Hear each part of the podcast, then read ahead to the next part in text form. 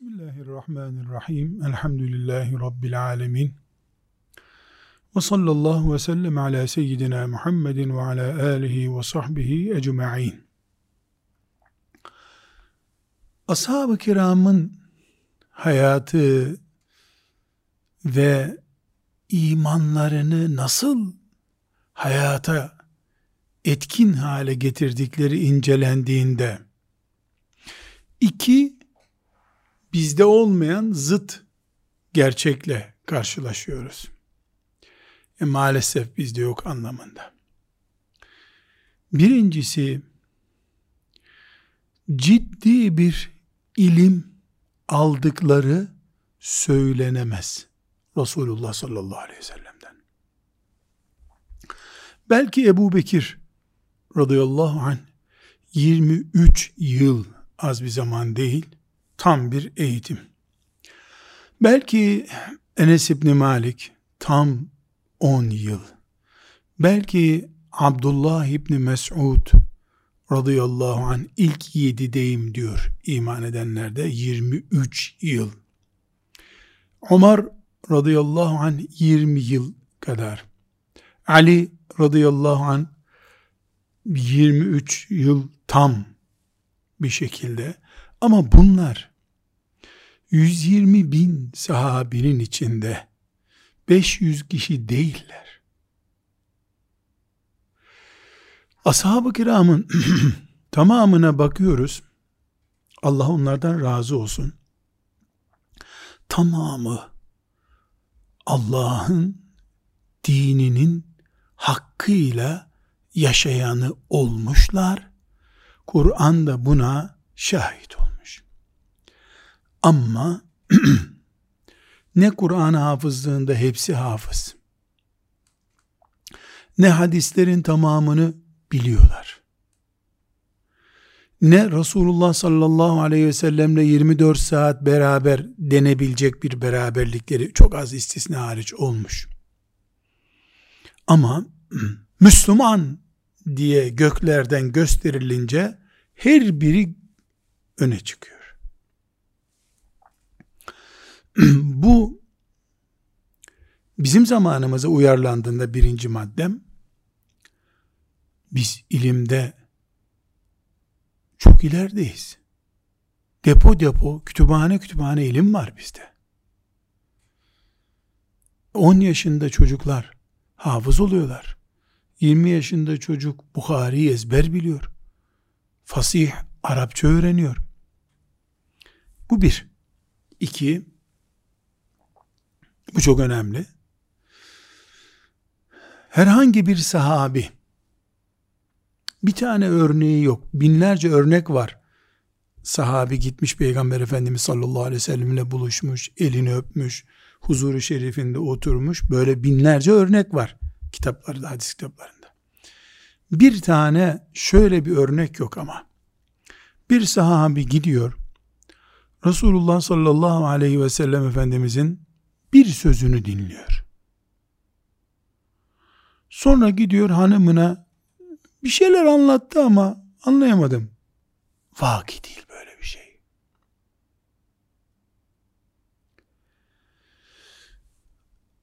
Teşbih için bizim düzeyimizde anlaşılsın diye söylüyorum böyle bir şey yok. Sanki o sahabiler üç dakikalık bir konuşmasını dinlemek için oturuyorlar ya. Bir soru soruyor. O sorunun cevabı için oturuyor ya. Öyle anlıyorum ki sanki o sahabiler o üç dakikayı Resulullah sallallahu aleyhi ve sellemin bir sözünü dinledim, bir hutbesini dinledim diye anlamamışlar da İslamiyet buydu. Bu üç dakikalık konuşmayla da ben cennete gireceğim heyecanı ile Resulullah sallallahu aleyhi ve sellemi dinlemişler. Herhalde bizim anlayamadığımız ama onların yaptığı ve onları zirveye taşıyan da budur. Yani bir hadis dinliyor. Bir sahabi dün Müslüman değil. Bugün geliyor. Bir hadis dinliyor. Evine gidiyor. Hanımı onu tanıyamıyor. Sen kimsin diyor. Değişmiş. Yeni bir adam gelmiş. E bizde bu pozisyon bir hadis değil. Riyazu Salihini başlayıp iki sene sonra bitiriyoruz. Eski tas eski hamam dedikleri sahne ortaya çıkıyor. Neden? Bu iki zıt şey. Bizde ilim var ashab-ı kiramda genelleme itibariyle kitaplar, kütüphaneler yok. Hafızlık bile yaygın değil. Kim nerede hafız olacak? Hem Kur'an inmemiş henüz, hem de cephedesin, Resulullah sallallahu aleyhi ve sellem'in gönderdiği görevdesin.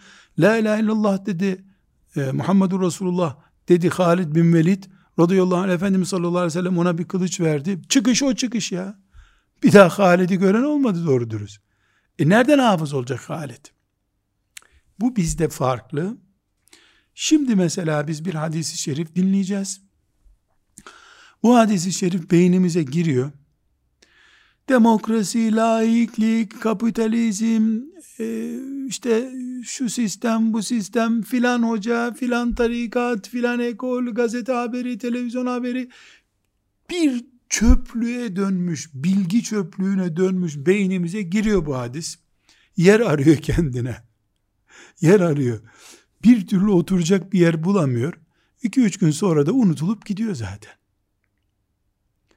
Ama sahabi öyle değildi.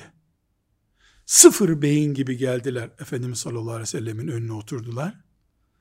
Efendimiz de onlara bir hadis söyleyince tak gitti hadis mekanizmanın ortasına oturdu. O gün o farklı oldu. Mesela henüz dersimize başlamadık.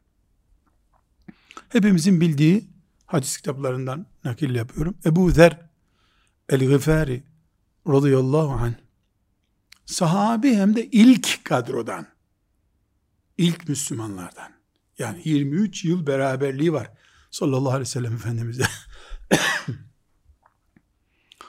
Bilal'le siyah derili Bilal'le ne olduysa tartışmışlar. Siyahın yavrusu demiş ona. Biz hani zenci deyip atıyoruz. O da öyle bir şey demiş. Yani bu küfür değil ama tahkir. Yani anasının siyah olması Bilal'in suçu mu? Müslümanın söyleyeceği bir şey değil ama ashab-ı kiram da insan. Bilal bilerek veya bilmeyerek Efendimizin kulağına duyurmuş bunu.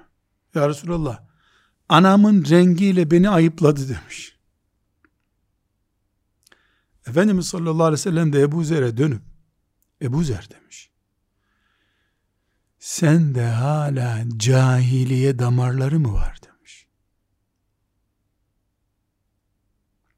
Yahu şu kaç cümle. Hatta bunu ben Arapçasını söyleyeyim. Belki uzundur da ben kısa tercüme ettim.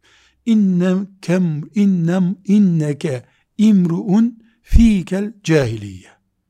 İnneke imruun fikel cahiliye. Sen de hala cahiliye kalıntısı olan bir adamsın sen. Gavursun, dinden çıktın, bunu mahkemede ödersin, tazminat davası ya böyle bir şey değil ya. Bir cümle bu. Arasına bir yere virgül konacak bir uzunlukta da değil. Şimdi bu bir aşıydı Ebu Zer radıyallahu anh. İnsan olarak bir hata işledi. Bir Müslümanı cildinin renginden dolayı ayıplamaya kalktı. Öyle rahatladı. Belki de Bilal de hakkını ona helal etti. Ayrı bir mesele. Efendimiz sallallahu aleyhi ve sellem duyup da azarlayınca ki bu bir azarlama ne yaptı? Bir namazdan sonra Bilal'in elinden tuttu. Resulullah sallallahu aleyhi ve sellemin önüne geldi. Dedi ki, Ya Resulallah, madem benim bu beyaz derim, bunun siyah derisinden dolayı bana üstün göründü ve ben cahiliye hastalığıyla itham edildim. Şimdi ben yüzümü yere koyayım, Bilal de o siyah ayağıyla yüzüme bassın, nefsim de anlasın ki, Allah'ın kullarının derisinin rengi önemli değil. Böylece bana hakkın helal etsin. Demiş. Ya, ya Rabbi bu nedir ya? Bu nedir be? Ben haklıydım da işte şu o da bana böyle yapmıştı. İnsan bir şey der ya. Hiç mi insan hakları ve demokrasiden nasipleri yokmuş? Yokmuş işte. Peki Bilal ne yapıyor burada? Aynı eğitimi o da alıyor. Biraz önce Allah'a secde etmiş bir yüze ayak koymam ben demiş. İşte iman. İşte Müslümanlık. İşte Muhammed sallallahu aleyhi ve sellemin medresesinin talebeleri. İşte hadis bunun için dinlenir. Yemin etsem ben, yemin etsem, Ebu Zer'in bildiği hadisler, bin tane değildi, korkarım kefaret vermem gerekmez. Çünkü yoktu. Bilsem Ebu Zer radıyallahu anh bütün hadisleri biliyordu. Kur'an-ı Kerim'i kıraat çeşitleriyle biliyordu. Böyle demeyeceğim. Ya hangi sahabi bugün bir e, alimin bildiği kadar bilgi biliyordu? Vakitleri mi vardı? Fırsatları mı oldu? Ama noktadan nükleer bilgi, nükleer üstü iman oluşturdular. Buna davet ediyoruz. Ve diyorum ki mümin kardeşlerime, hadis sevdalılarına, bakınız kardeşlerim, biz çok bilme peşinde bir ümmet değiliz. Biz Allah'ın rızasının peşinde bir ümmetiz. O Allah'ın rızası da çok ihlaslı amelle, çok amelle değil, çok ihlaslı amelle yakalanıyor.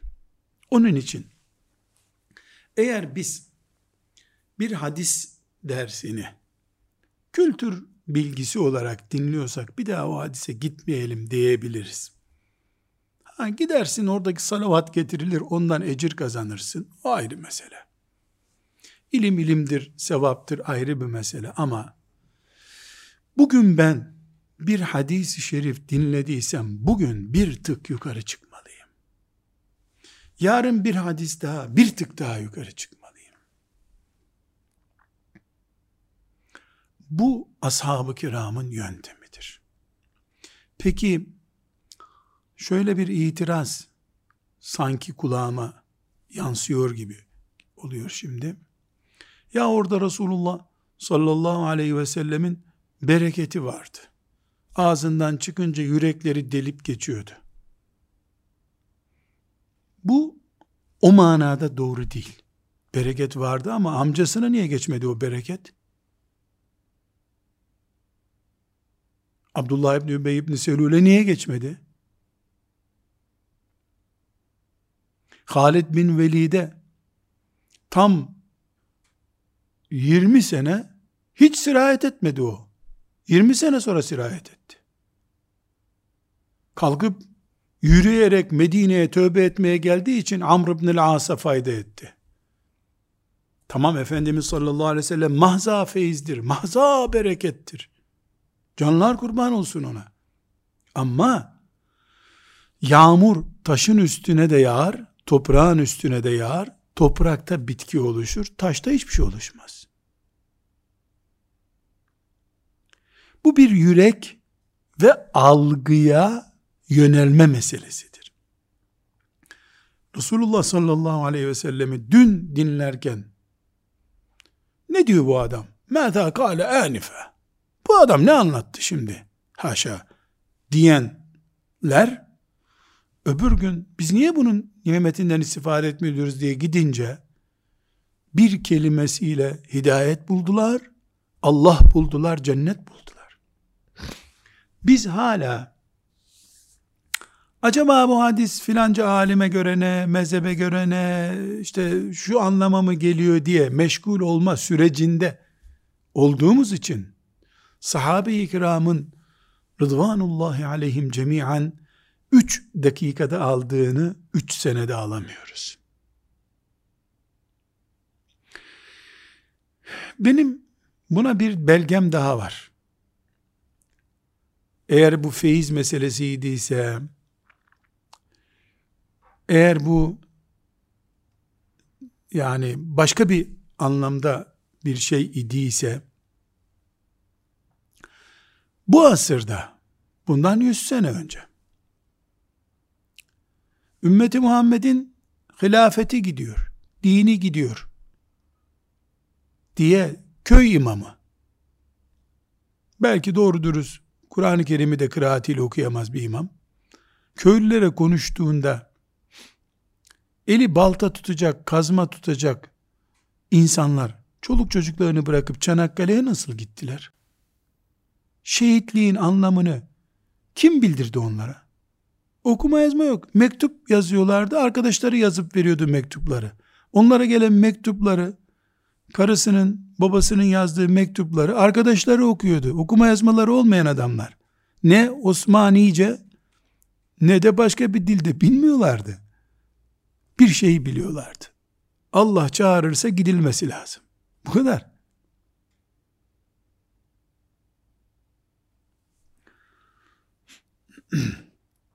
Burada bir nefis muhasebesi yapıyorum. Rabbim muhafaza buyursun. Yani ben anladım. Siz niye anlamıyorsunuz? Nauzu billahi teala. Öyle bir şey demiyorum. Bu bir hastalıktır. Bu çağın insanı olarak hepimizi vurdu. Belli oranlarda hepimizi vurdu. İnşallah Teala bundan Rabbim bizi muhafaza buyurur. İyi niyetlerimiz, ihlasımız ve heyecanımız sayesinde. Şimdi karakterimizi oluşturacak ilmihal bilgimizi değil. Yani ibadet nasıl yapılır bunu değil. Karakter, şahsiyet, sahabe kıvamında Müslüman oluşturacak hadisi şeriflerin 22.sine geldik. Bütün hadislerde bu karakter var aslında ama ben kolay akılda kalır şöyle bir 40 tane hadisi şerif seçmek istedim. Ee, onları özellikle okuyorum. Resulullah sallallahu aleyhi ve sellem Bukhari'de 5756. hadis, Müslim'de de 2224. hadisi şerif. Bu hadisi şerifte şöyle buyurmuş. Uğursuzluktu, bulaşmaktı. Böyle bir şey yoktur. Güzel söz ve güzel anlayış benim hoşuma gider.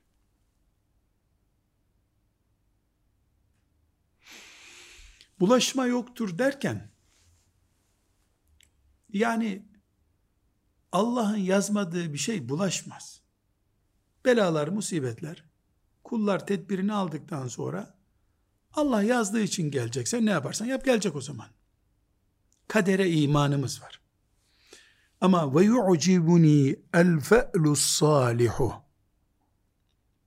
Hoş bakış benim hoşuma gidiyor. Uğursuzluğu, şom ağızlılıktı hoşuma gitmiyor. Umut var ifadeler. Yapıcı ifadeler. Kırmayan, dökmeyen ifadeler. El kelimetül hasenetü. Kendisi şerh ediyor bunu tatlı söz, hoş söz benim hoşuma gidiyor. Müslim'in bir hadisini çok duymuşuzdur. Ne buyuruyordu sallallahu aleyhi ve sellem? Bütün insanlara bakıp da bu insanlar bitti, öldü, helak oldu diyenin en kötüsü kendisidir buyuruyor. Ya Allah var iken Celle Celaluhu iyilik biter mi ya? Hayır biter mi? İndi çıktıları Allah ayarlıyor. İyilik azalıyor, kötülük çoğalıyor, sonra geliyor, tersi oluyor. Mümin karakter olarak Allah'la bağlantısı devam ettiği sürece umudu bitmez adamdır. Hem la ilahe illallah Muhammedur Resulullah yüzde yüz söylüyorum diye inanacak Müslüman hem de Allah'ın mülkünde daha henüz Mehdi aleyhisselam gelmedi, İsa aleyhisselam inmedi. Henüz toprak hala bitki veriyor. Bitti, artık buğday yok, artık insan nesli kurudu gibi bu anlamı çağrıştıran sözler kullanmaz mümin. Kullanırsa he, gavur oldu denmez buna şüphesiz. Ama yu'cibuni el fe'lus salihu hoş bakış benim hoşuma gidiyor. E peygamberinin senin yani o kadar eziyetler karşısında Uhud görmüş, Hendek görmüş, o eziyetler karşısında hayata umutla bakmak istiyor. Çünkü umutla bakan yol alır. Aslında sen yarın başaracağın bir şeyi bugünden yok kabul ettiğin için başaramıyorsun. Senin Allah'ın Celle Celaluhu ölü dirilten Allah değil mi? Kupkuru odunlara baharda çiçek açtıran Allah değil mi? Niye böyle düşünmüyoruz? İşte aşı budur. Şimdi ben dersin girişindeki noktaya gelmek istiyorum. Allah onlardan razı olsun. Bu sözü dinleyen bir sahabi Konstantiniye fethedilunacak hadisini duyduğunda oho koca imparatorluğu nereden devireceğiz biz? Der miydi Allah aşkına hiç? Üç gün namaza kalkmadı diye oğlunu evden kovar mıydı hiç? Bir gün yemeği tuzsuz yaptı vesaire diye eşiyle kavga eder miydi? Bu bir karakter meselesidir. Resulullah sallallahu aleyhi ve sellemin sözleri hayata karakter kazandıran sözlerdir.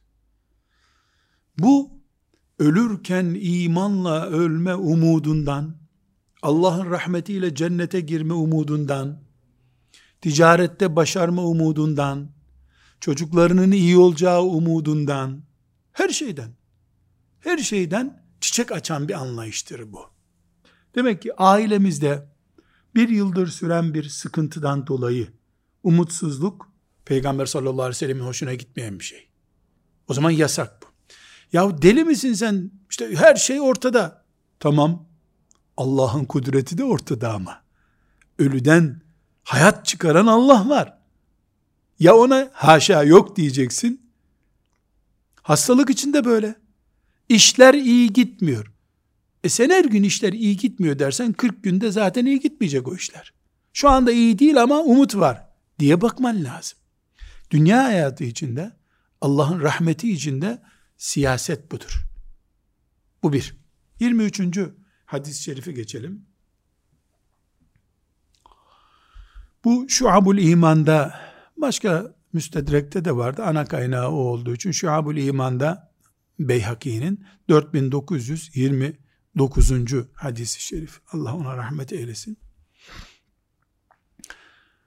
Bu yeri gelmişken zikredelim. Şuabul iman imanın 70 bölümüne girebilecek aşağı yukarı 7-8 bin hadisin toplandığı bir kitaptır. Bir konu imanla İmam Beyhaki'nin kafasına göre Müslümanın müminin imanıyla ilgilidir bu dediği hadisleri topladığı bir kitaptır. Mesela Allah'a imanla ilgili hadisler var orada. Mesela kadere imanla ilgili hadisler var. Bu hadisi de koymuş buraya. Hangi hadis o? İnna Allah tebareke ve teala yuhibbu iza amile ahadukum amelen en yutkinehu. Şimdi şu Habul İman kitabı ne işe yarıyor anladık bunu değil mi? İman hadislerini topluyor. Bu hadis ne hadisi? Allah tebareke ve teala sizden biriniz bir iş yaptığı zaman onu kaliteli yapmasını ister sever. Oturup tefekkür edelim. Beyhaki bir muhaddis, müthiş bir alim, İmam Şafii'nin ekolünden gelen büyük alimlerden birisi. Oturmuş, on binden fazla hadis ezber biliyor. Bunların imanla bağlantılı olanlarını yazmak istemiş. İmanın şubeleri diye de kitabına başlık koymuş. Sırat vardır diye hadisini oraya yazmış. Çünkü sırata iman etmek imanla ilgilidir. E, zina haramdır hadisini de koymuş. Çünkü zina e, iman meselesi. Bu hadisi buraya niye koymuş? Çünkü Beyhaki'nin bir muhaddis olarak aklında bu hadis yaptığın bir iş, ya istersen sofra kur, istersen kitap yaz, istersen inşaat işi yap, istersen oruç tut, istersen sadaka ver, ne yapıyorsan yap, kaliteli olmasını ister Allah. Anlayışını Müslümanın Müslümanlığıyla ilgili algılamış. İman bunu gerektirir diye algılamış.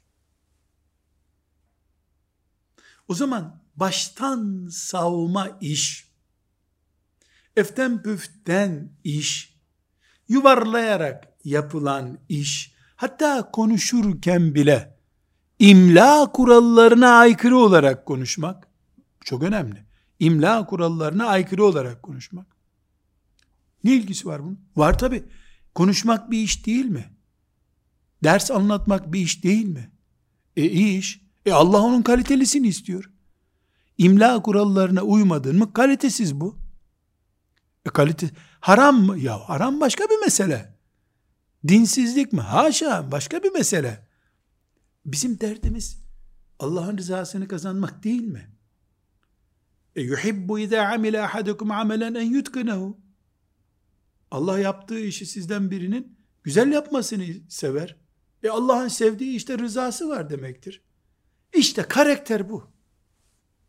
Karakter bu. Bir kere sallallahu aleyhi ve sellem Efendimiz bir sahabinin defnedilmesi için mezarlıkta mezar da kazılmamış o arada. E, Efendimiz de oturmuş, çömelmiş mezarın kazılmasını bekliyor. Şimdi dikkat edelim. Sahabe mezarı kazıyorlar. Mezar böyle yani diyelim ki bir sandık gibi, dikdörtgen bir sandık gibi duruyor. Duvarın bir tanesi şu şekilde yamuk kalmış. Yani dikey bir sandık gibi olması lazım. Böyle hafif yamuk kalmış. Kalkmış buyurmuş ki şurayı düzeltsenize buyurmuş. Dümdüz yapın bunu.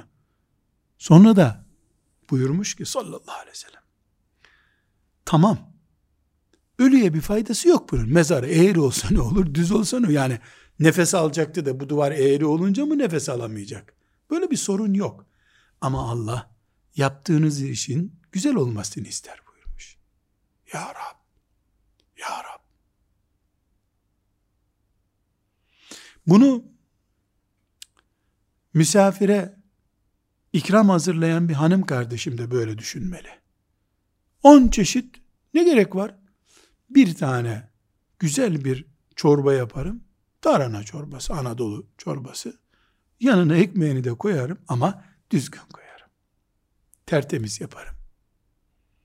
İnsanlar o nezaketi görüp göz doyumu sağlarlar. Bu bir ikramdır. İkram da kalitedir. Hatta Efendimiz sallallahu aleyhi ve sellem ashabıyla kalabalık olarak Medine'ye dönüyorlar. Çok çok müthiş ve enteresan bir olay. Gece yaklaşmış. Önceden de haberci salmamışlar Medine'ye. Diyelim ki böyle kilometreyi ben şimdi uyduruyorum. 5 kilometre kalmış. Bu da nedir? Bir saat sonra Medine'de olacaklar. Şu nezakete, aşıya dikkat ediniz. Buyurmuş ki Medine'ye birisini gönderin. Allah rızası için bütün mümin kardeşlerim bunu dinlesinler. Aşı alıyoruz ya. Medine'ye birisini gönderin. Evlere haber versin bizim geldiğimizi. Şimdi biz uzun günlerdir Medine'de yoktuk. Kadınlarımızın saçı başı dağınıktır. Odaları dağınıktır. Onları öyle görmeyelim biz. Çünkü evi dağınık görürse kadının morali kırılacak. Saçı başı dağınık yani eşinin geleceği zaman üstünü başını hazırlamış, parfümünü kullanmış bir kadın başka bir şey. Pat diye içeri girdin. Kadın üstünü başını toparlamadan Allah Allah nedir bu baktı. Aa eşi gelmiş. Bu sahne başka. Ya Allah. Ya Allah. Miraç terbiyesi görmüş peygamberin nezaketi bu. Sallallahu aleyhi ve sellem.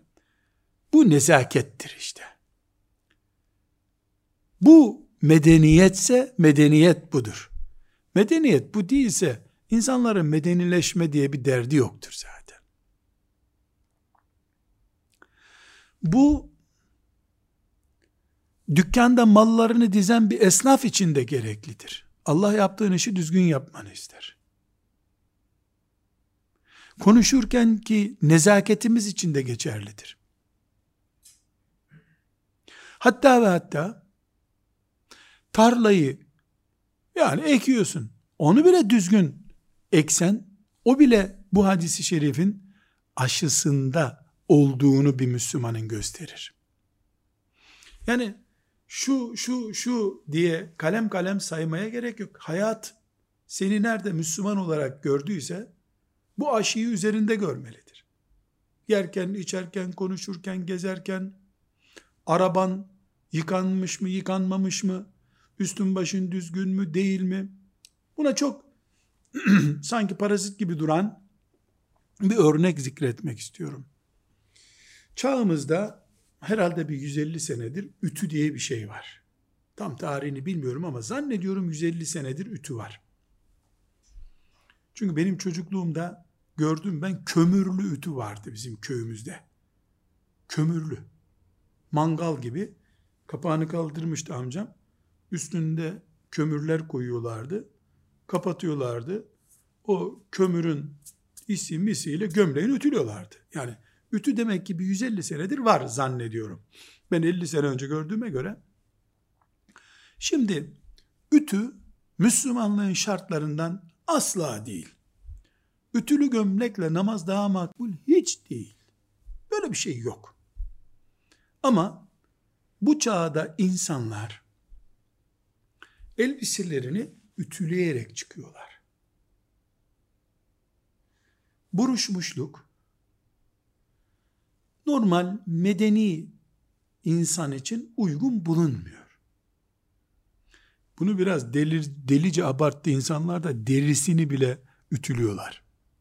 Gidip cilt çektiriyorlar. Allah akıl fikir versin. Gençleşiyorlar. O, o yanlış bir ütü ama. Şimdi Müslüman olarak benim gömleğim ütülü olmalıdır diye bir hadis yok. Ama bir peygamberim var benim. Sallallahu aleyhi ve sellem. Gelecek misafirine göre cübbesini değiştiriyordu. Yabancı misafirler geldiğinde ona yeni hediye edilmiş bir cübbesini giyiyordu. Sallallahu aleyhi ve sellem. Ben ondan anlıyorum ki benim gömleğim ütülü olarak mümin kardeşlerimin önüne çıkmam bu hadisi şerife yakın bir tavırdır. Nedir o? Allah yaptığımız işi güzel yapmamızı istiyor. Bir iş yapıyorum. Nedir o? Mümin kardeşlerimi ağırlıyorum. Mümin kardeşlerimle toplantı yapacağım. Bu bir iş mi? Elbette iş. O zaman tıraşımdan, gömleğimin ütüsünden, kullandığım parfüme kadar her şeye dikkat ederim.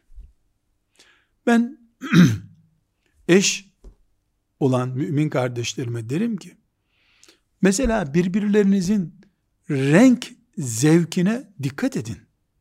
Birbirinize saygının gereği olur bu.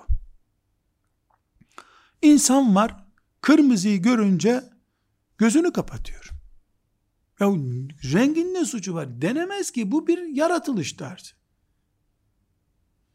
E şimdi e, kırmızıdan çok hoşlanıyorsun. Eşin de kırmızıyı görünce e, açılıyor içi veya tersi. Ortası bulunabilir bunun. Kırmızıya yakın bir tonu idare edersin. Yani argo ifadeyle onu uyuz etmenin bir manası yok. Çünkü o da senin uyuz olacağın bir şeyle şeytanın projesi olarak karşına çıkacak. Güzellik bunu gerektiriyor. Mesela bazı toplantılara çağrılıyorum. Yani yeminli konuşmak adetim değil. Onun için yemin etmiyorum. Bir saat oturulacak toplantıdan 20 dakika üzerine kalkıyorum. İzin istiyorum. Böyle yarı doğru yarı eğri bir izin alıp çıkıyorum. Neden biliyor musunuz? Öyle bir parfüm kullanmışlar ki kendimi bir nükleer santralin önünde hissediyorum. 10 dakika sabır ya Rabbi, 20 dakika sabır. Hatta biri çantasından çıkarıp e, toplantının içinde devam ediyor sıkmaya. Pıs pıs pıs pıs pıs sıkıyor. Bu yanlış bir şey. Yani sen bundan zevk alabilirsin. E bende alerji yapıyor. Anında öksürmeye başlıyorum. Veya o kokuyu sevmiyorum. Ben toplantıda zihin yapım olarak mesela 50 performansta bulunacaksam 40 performansa düşüyor. Kafam ona takılıp kalıyor çünkü. Bazen camı açar mısınız birer? Havasız kaldı burası diyorum. Camı açtırıyorum. O fayda etmiyor. Bir örnek olarak bunu zikrediyorum. Halbuki insan toplu yerlere gittiğinde mesela cuma namazına giderken koku sürünmek sünnettir. Ama bir tabii kokudur Peygamber sallallahu aleyhi ve sellemin buyurduğu gül yağı veya zaferan neyse yani tabii şeyler. Şimdi bazen camiye gidiyorsun. Ya Allah burada bir kasa şeftali yenmiş zanne. Şeftali kokuyor cami. Yahu burada cumadan önce şeftali kampanyası mı vardı? Yok. Yanındaki amca şeftali e, aromasından bir koku sürülmüş gelmiş. Hacı ya diye bir de onu sana sürüyor. Bunlar kabalık. Bu narin, bu nazik şeriatın tersine düşen işler bunlar. Evet, koku sünnettir ama üstündeki hoşu olmayan kokuyu giderecek hafif bir kokudur o. Koku bidonuna batıp çıkmak değildir. Allah yaptığımız işin kaliteli yapılmasını ister iyi olmasını ister. Bunu iyi yapamayan için evet günah işledi demesek bile kalitesi kayboldu deriz. Bukhari'nin 24. hadis-i şerife geçiyoruz. Bukhari'nin 2790. hadisi şerifi. Şeytanla böyle yani yumruk yumruğa gelmek denir ya yumruk yumruğa gelinen bir aşı yapıyor sallallahu aleyhi ve sellem Efendimiz. Şimdi bu hadisten önce bir giriş olarak e, nefis muhasebesi, toplu bir değerlendirme yapalım. 10 Müslüman bir araya geldik.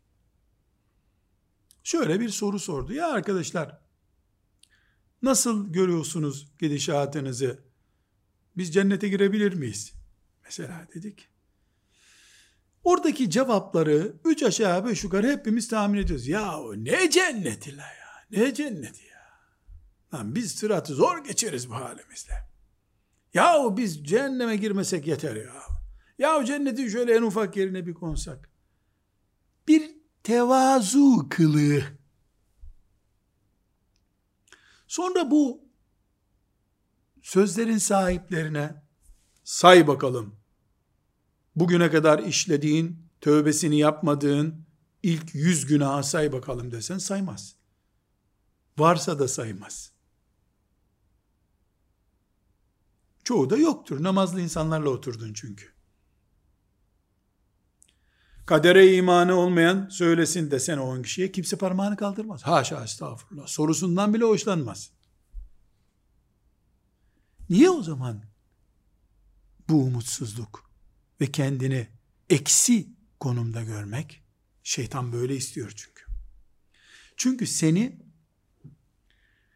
adın cennetlerine doğru koşarken durdurması zor onun. Cennet var veya yok gibi bir sahnede tık yapınca düşeceksin zaten. Adın cennetlerine koşuyor Halid bin Velid radıyallahu anh. Musab bin Ömeyr dur bir dakika bir şey söyleyeceğim dese duracak olsa gene bir 100 metrelik mesafedir o. Duramaz ki anında yani 150 kilometre süratle giden bir arabanın frene basınca hemen durması mümkün mü? Uçak hemen inebiliyor mu? İnmeye karar verip pat diye düşüyor mu aşağıya? Ama tıngır tıngır tıngır tıngır giden, traktör gibi giden bir arabanın frenine dokunmadan duruyor zaten. Hedef küçüklüğü büyük bir şeytan projesidir.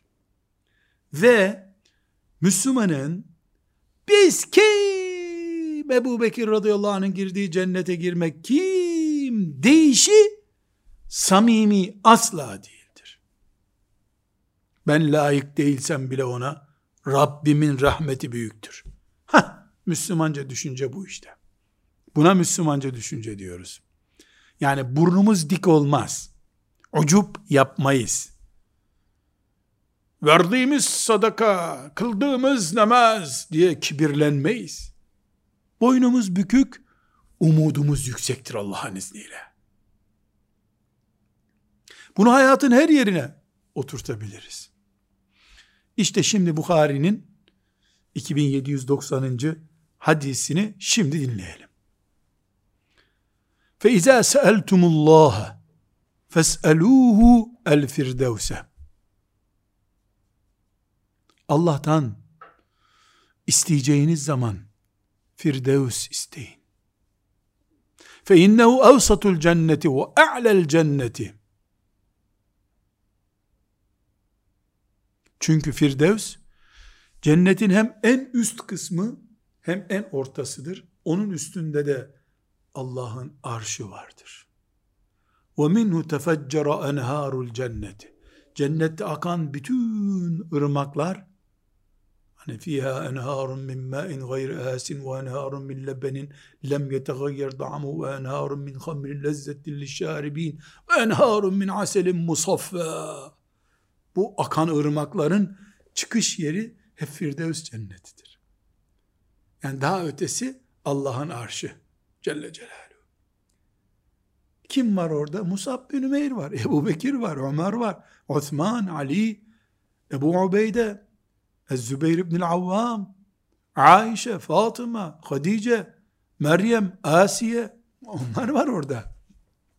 Biz bu demokratik, koşullardan çıkıp da oraya mı gideceğiz? Ne engel var? Demokrasi dediğimiz şey Firavun'un sarayından daha da mı kötü? Asiye nasıl gitti? فَاِذَا سَأَلْتُمُ اللّٰهَ Fes'eluhu el firdevse. İsterken firdevsi isteyin. E vermedi Allah da bir alt cenneti verdi. Elhamdülillah. Elhamdülillah. Ama sen başlarken bir defa eksiden başlarsan hiç artıya geçmeyeceksin ki. Eksi üç dün eksi beş olacaksın. Eksi sekiz olacaksın. Şımarmak başka bir şey. Büyük aşı almış, büyük umutlu olmak başka bir şey. Şımarmak tembellik getirir. Nasıl olsa verecek diye beklersin hiçbir şey bulamaz. Büyük umutluluk, büyük aşk ve heyecan getirir. Çok çalışırsın.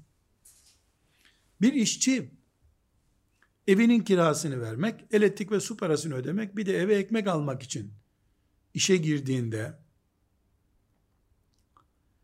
o işçiye asgari ücret veriliyor, hesaplıyor, bin lira şuraya verdim, şunu verdim, tamam yeter çalışırım diyor. Ama birisi bir ev alacağım, yazlık alacağım deyince asgari ücrete razı olmuyor. Ya da çift mesai yapıyor. Bir gün bir sanayici arkadaşımın ziyaretine gitmiştim. Birisi iş istemek için geldi. Bana dedi ki müsaade ederseniz iki dakika görüşebilir miyim dedi. Tabii dedim. Geldi bir üniversite mezunu bir genç. İyi güzel anlaşırız da dedi. Kaç para istiyorsun dedi. Sen şimdi çok para istersin. Yok abi dedi. Çok istemem dedi. İşte düğün yapacağım. Şu kadar diye bir rakam söyledi. Üç mü dört mü neyse bir rakam istedi. Ee, bu kadar yeter dedi. Sonra e, sekreterim size haber verir dedi. Gönderdi onu. O gidince sekreterini çağırdı. Bununla bir daha beni yüzleştirme dedi.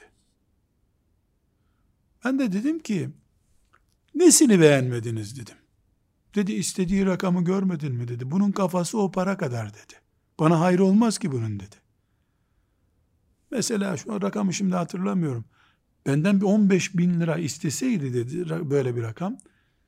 E, ona uygun iş yapıp yapamayacağını bir ay deneyecektim dedi.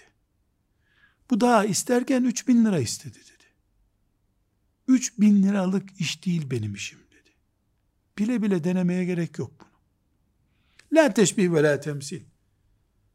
Efendimiz sallallahu aleyhi ve sellem cennet konusunda bunu bize tavsiye ederken yani Allah'tan cenneti isterken bir koy da neresi olursa olsun ya Rabbi demek var. Ey Rabbim arşının üstünde durduğu Firdevs'i isterim senden. Demek başka bir şey. Bu cennet isterken de böyle. Cehennemden sığınırken de girmeyiz ama e, yani girersek eğer Allah muhafaza buyursun demek başka bir şey. Dünyalık isterken de bana ya Rabbi Karun'a verdiğinden daha fazlasını ver. Ama Ebu Bekir'e verdiğin cömertliği de ver. Böyle dua etmek lazım. Hasan Basri rahmetullahi aleyh tabiinin büyüklerinden o kadar ki bir İslam kitabında tefsir olsun, hadis olsun, e, İhya Ulumuddin gibi e, ahlak kitabı olsun, herhangi bir kitapta Hasan denince hemen o anlaşılır. Ya bunun başka soyadı falan var. Basri mesela lakabı. E, künyesi var. Kimse onu anmaz. Neden? O kadar meşhur ki yani bir tane Hasan varmış dünyada sanki. Mesela Hasan deyince Efendimiz sallallahu aleyhi ve sellem'in torunu da anlaşılmıyor. Radıyallahu anh denirse anlaşılıyor. O kastediliyor diye. Bu kadar meşhur birisi ama talebeleri onu tanıtırken şimdi bu hadisi şerife inşallah e, yön vermiş olacak bu sözümüz. Onu tanıtırken talebeleri diyorlar ki Hasan Basri öyle bir Müslümandı ki sanki cennetten bir iki günlüğüne dünyaya gelmişti. Cennetlik adam. Öbür gün bakardın binlerce sene cehennemde yanmış da bir günlüğüne dünyaya gelmiş gibi ödü patlıyor. Ha, Müslümanlık bu işte. Allah'a umudum arş kadar büyük. Korkum da benim küçüklüğüm kadar büyük. Ben ne kadar eksiysem Allah'ın büyüklüğü karşısında o kadar da korkum var. Buradaki bu denge sağlandığında biiznillahü teala iman yerine oturur. Müslümanın heyecanı fazla olur. Müslümanın umudu çoğaldıkça çalışma aşkı büyür. Burada çok önemli bir dipnot olarak bu hadisi şerifin kenarına yazılmasını istediğim bir şey var. Bugün 50 yaşında olan veya 40 yaşında olan ve hiçbir işe yaramayan diyelim insanların çok önemli bir bölümü anne ve babalarının onları ilk defa eğitimi alan öğretmenlerinin onlarda hiçbir mücevher yok diye onları terk etmesinden kaynaklanıyor. Elbette herkes kaderini yaşıyor ayrı bir mesele ama bir anne bir baba 5 yaşındaki çocuğunun bir yaramazlığına bakarak 10 yaşındaki bir çocuğun bir eksikliğine bakarak onu defterden sildiği zaman aslında o çocuğu defterden silinmiş hale getiriyor. Bir annenin, bir babanın vazifesi bir muallimin vazifesi defterden silmek değil. Hiç yazılmayacağı bile becerip deftere yazmaktır. Zaten O zaman sen bir işe yararsın. Aksi takdirde o çocuk kendi kendine yürümeyi öğrenecekti zaten. Allahu Teala'dan nusretini niyaz ederiz. Tekrar vurguluyorum. Çok değerli mümin kardeşlerim. Şu hadislerin bir tanesini dinleyen sahabi gerilmiş yaydan fırlayan ok gibi gitti hayatın üstüne kondu. Hiçbir sahabi bizim dinlediğimiz kadar hadisi bir arada Resulullah sallallahu aleyhi ve sellem'den dinleyemedi. Biz bir Riyazu Salih'in dersiyle oturuyoruz. 30-40 hadis okuyoruz. Hiçbir sahabeye bu nasip olmadı. Hiç, hiç, hiç. E çünkü Resulullah sallallahu aleyhi ve sellem devlet idare ediyordu. Aile idare ediyordu. Kiminle saatlerce oturup bir şey konuşacaktı. Ona üç hadis, buna iki hadis, buna. Ama hepsi yaydan çıkmış ok gibi şeytanın gözüne battılar. Allah onlardan razı olsun. Hadis budur. Böyle inanmıyorsan önce sen ne topladığına bak. Sen armut topluyorum zannediyorsun. Oho sen hiçbir şey toplamıyorsun. Ve sallallahu ve sellem ala seyyidina Muhammed ve ala alihi ve sahbihi ecma'in velhamdülillahi rabbil alemin.